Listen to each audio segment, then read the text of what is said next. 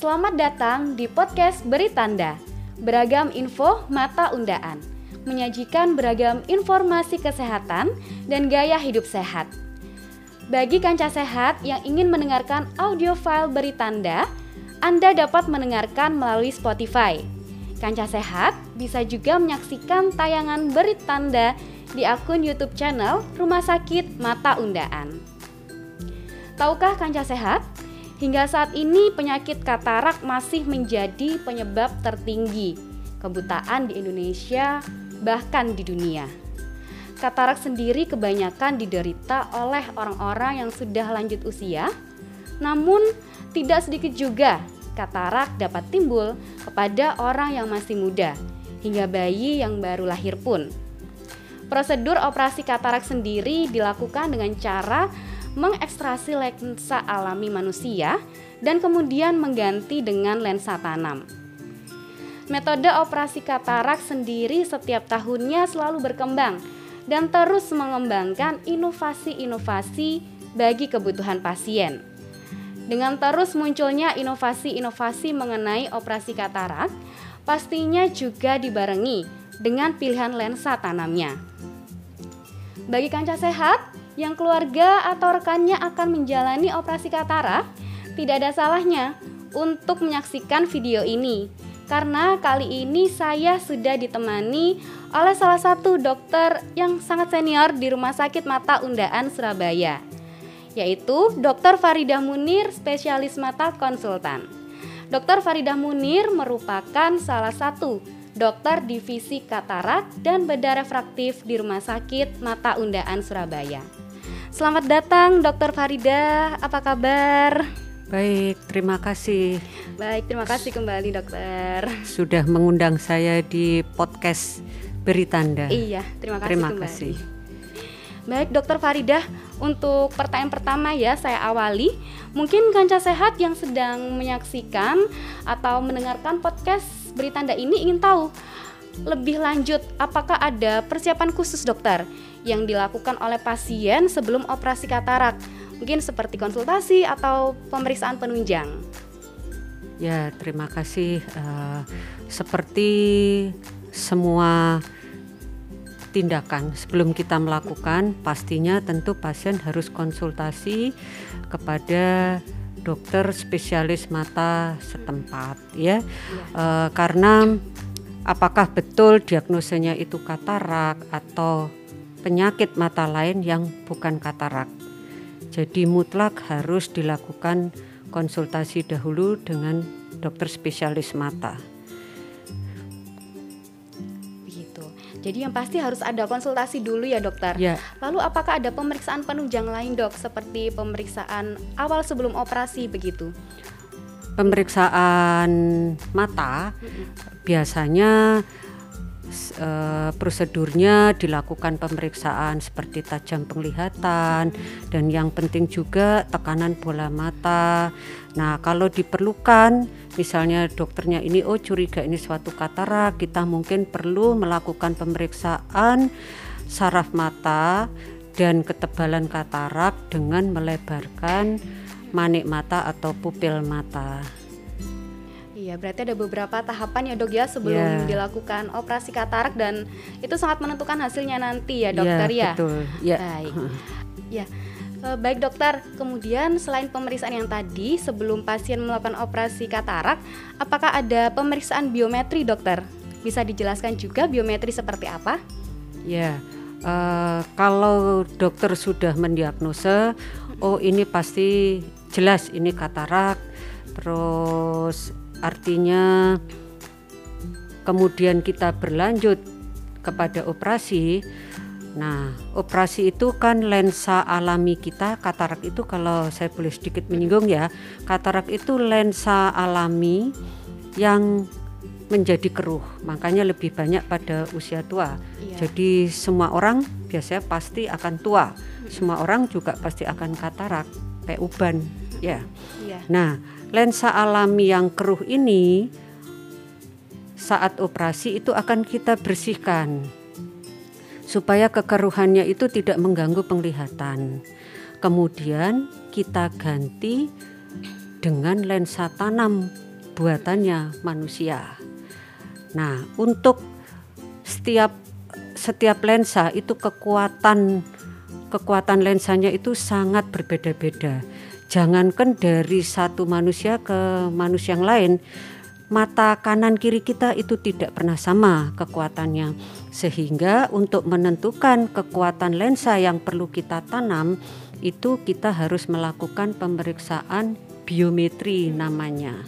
Jadi untuk menentukan power atau kekuatan lensa prediksi ya memang tidak ada yang sempurna, yang sempurna ya, ya lensanya Tuhan. Ini lensa manusia pasti ada uh, kekurangannya hanya untuk prediksi berapa sih untuk mata si si X ini harus saya pasang dilakukan pemeriksaan biometri ini.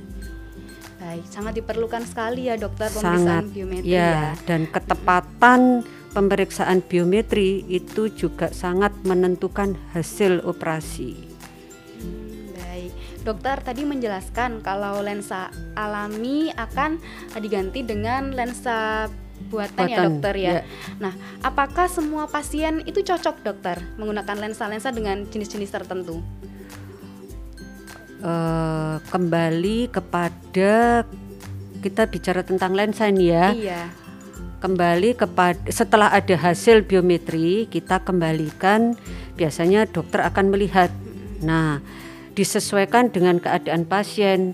Jadi kita lihat dari hasil biometrinya, oh pasien ini punya ke kondisi astigmat yang tinggi.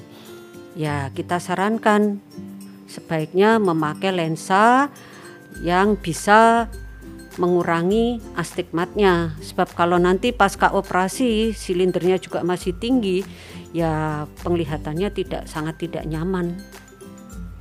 Jadi bermacam-macam lensa tergantung keadaan mata pasien eh, yang kita tentukan setelah ada hasil biometri.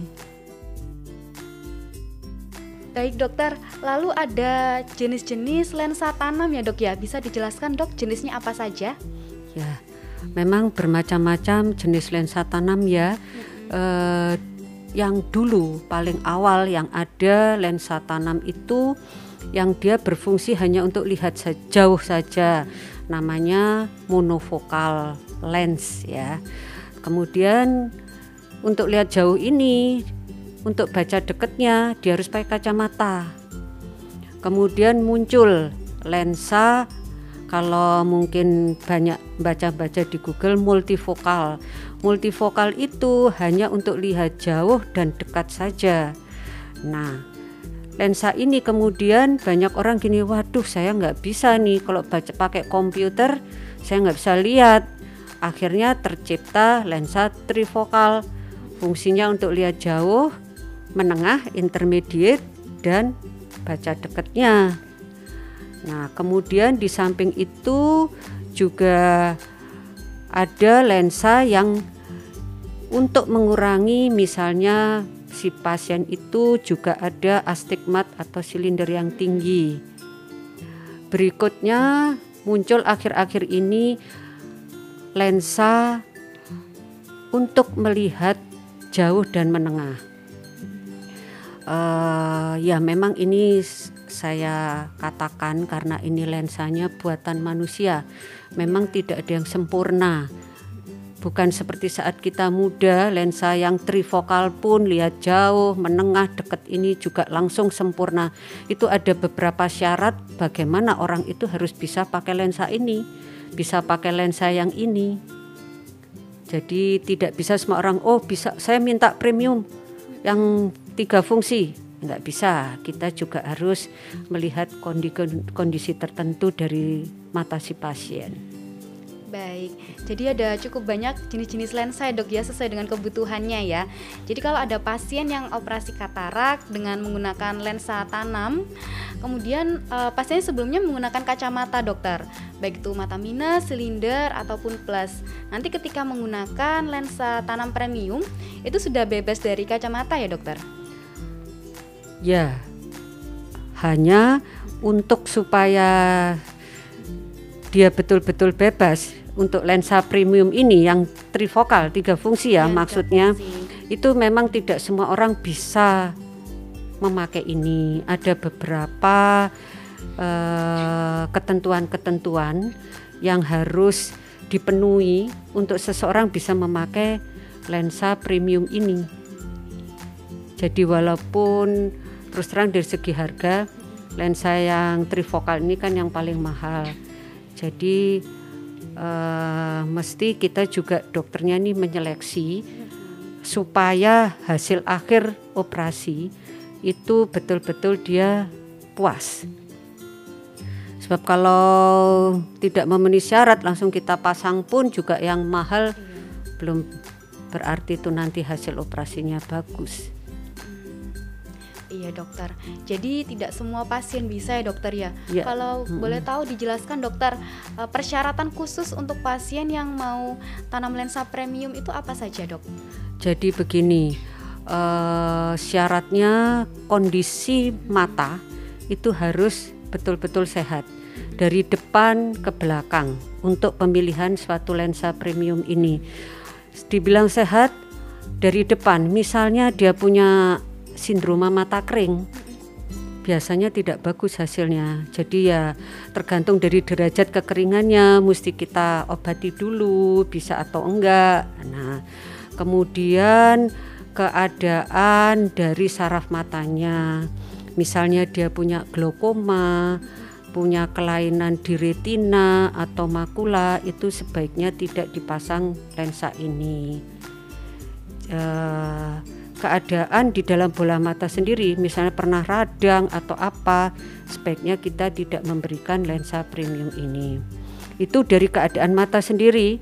Yang kedua, dari keadaan eh, penyakit sistemik dari pasien, misalnya kayak diabetes, terus post stroke, hipertensi, itu biasanya saya tidak cenderung memberikan itu. Sebab kalau terjadi komplikasi di belakang akan lebih tidak nyaman. Jadi dua syarat itu ya. Iya, berarti memang harus ada syarat-syaratnya dokter ya supaya ya. pasien bisa menggunakan lensa tanam premium. Ya. Lalu jika pasien sudah operasi katarak menggunakan lensa tanam premium, apakah lensa ini bisa dipakai seumur hidup dokter? Bisa. Bisa ya. Ya, uh, biasanya bisa sepanjang tidak ya? ada masalah sepanjang tidak ada masalah bisa seumur hidup. Baik, uh, yang pasti pasien bisa seumur hidup menggunakan lensa tanam premium selama tidak ada permasalahan penggunaannya ya dok ya.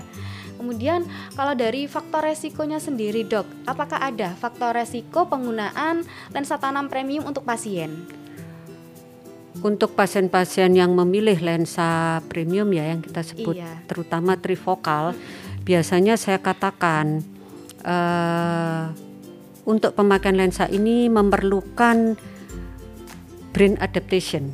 Artinya beberapa orang memang ada yang adaptasinya cepat, tapi tidak semua. Uh, di dalam kepustakaan rata-rata dikatakan sekitar enam bulan, tapi uh, saya hanya jumpai sekitar satu dua pasien lah yang adaptasinya agak lama. Yang kedua di malam hari biasanya terutama orang-orang dengan manik mata yang lebar itu dia akan melihat beberapa keluhan namanya disfotopsi itu artinya kalau lihat lampu malam itu glare kayak pecah gitu. Oh, iya. Nah itu saya beritahu sebelumnya. Nanti biasanya setelah insya Allah enam bulanan gitu keluhan-keluhan seperti itu akan menghilang. Jadi wajar terjadi ya dok ya kalau yeah. pasien um, menggunakan lensa tanam premium dan di awal juga sudah dijelaskan ya dokter ya. Yeah. Begitu. Kemudian tadi dokter menjelaskan ada uh, faktor-faktor resikonya. Uh, apakah ada perawatan khusus selama pasien uh, setelah melakukan operasi katarak menggunakan lensa premium dokter? Tidak ada perawatannya sama dengan misalnya kita memilih jenis yang paling sederhana ya lensa monofokal sama aja perawatannya ya pasca operasinya tentu kita hindari supaya tidak terjadi infeksi seperti itu. Nggak ada uh, perbedaan dengan yang non premium ya Berarti sama ya dok ya, ya antara yang premium maupun yang bukan premium perawatannya sama gitu. Kemudian dokter tadi kan dijelaskan kalau ada lensa tanam premium itu yang bisa mengurangi mata minus, kemudian mata plus. Apakah nanti di kemudian hari kira-kira pasien bisa timbul kembali mata minusnya atau mata plusnya dokter? Ketika sudah pakai lensa premium. Tidak tidak berarti Nggak. memang sudah total kalau hitungannya mm. biometrinya mm tepat mm ya hal itu tidak akan terjadi ya uh -uh. gitu jadi dipastikan aman sampai seterusnya ya dokter ya ya insya Allah mm -hmm. baik untuk penutup dokter pertanyaan terakhir uh, Dokter Farida, adakah tips untuk kancah sehat atau mungkin uh, keluarga dari saudara yang akan melakukan operasi katarak menggunakan lensa tanam premium, dokter? Sebaiknya bila ada keluhan kabur yang jelas segera periksa ke spesialis mata. Nah, nanti di sana ditentukan uh, jenis kataraknya sebab kalau katarak terlalu tebal nanti juga mengganggu uh, beberapa tahap pemeriksaan kita seperti biometrinya tidak tidak akan seakurat bila katarak itu masih uh, apa ya masih tidak terlalu tebal tidak sekali ya masih tipis ya dokter ya ya, ya. Jadi memang alangkah baiknya kalau memang merasa tidak nyaman di kondisi mata ya, segera periksa ada ke keluhan. ke dokter spesialis mata ya dokter ya. ya. Nah, Kanya Sehat, kita telah membahas topik penggunaan lensa tanam premium untuk solusi bebas kacamata pasca operasi katarak bersama dengan Dr. Farida Munir, salah satu tim dokter di Rumah Sakit Mata Undaan Surabaya. Sebelumnya saya ucapkan terima kasih banyak kepada Dr. Farida atas ilmu yang sudah dibagikan pada hari ini. Gitu. Tentunya informasi ini sangat berguna bagi kancah sehat yang sedang mendengarkan podcast Beritanda ataupun menyaksikan tayangan YouTube channel Rumah Sakit Mata Undaan. Khususnya bagi yang memiliki keluarga atau rekan yang berencana melakukan operasi katarak. Tetap dukung kami dengan tetap mengikuti segala informasi yang terupdate dan termenarik dari Rumah Sakit Mata Undaan. Pesan kami, tetap jalankan protokol kesehatan, Selalu gunakan masker, jaga jarak, dan makan makanan yang bergizi. Nantikan kembali tayangan podcast Rumah Sakit Mata Undaan selanjutnya. Sampai jumpa dan salam mata sehat.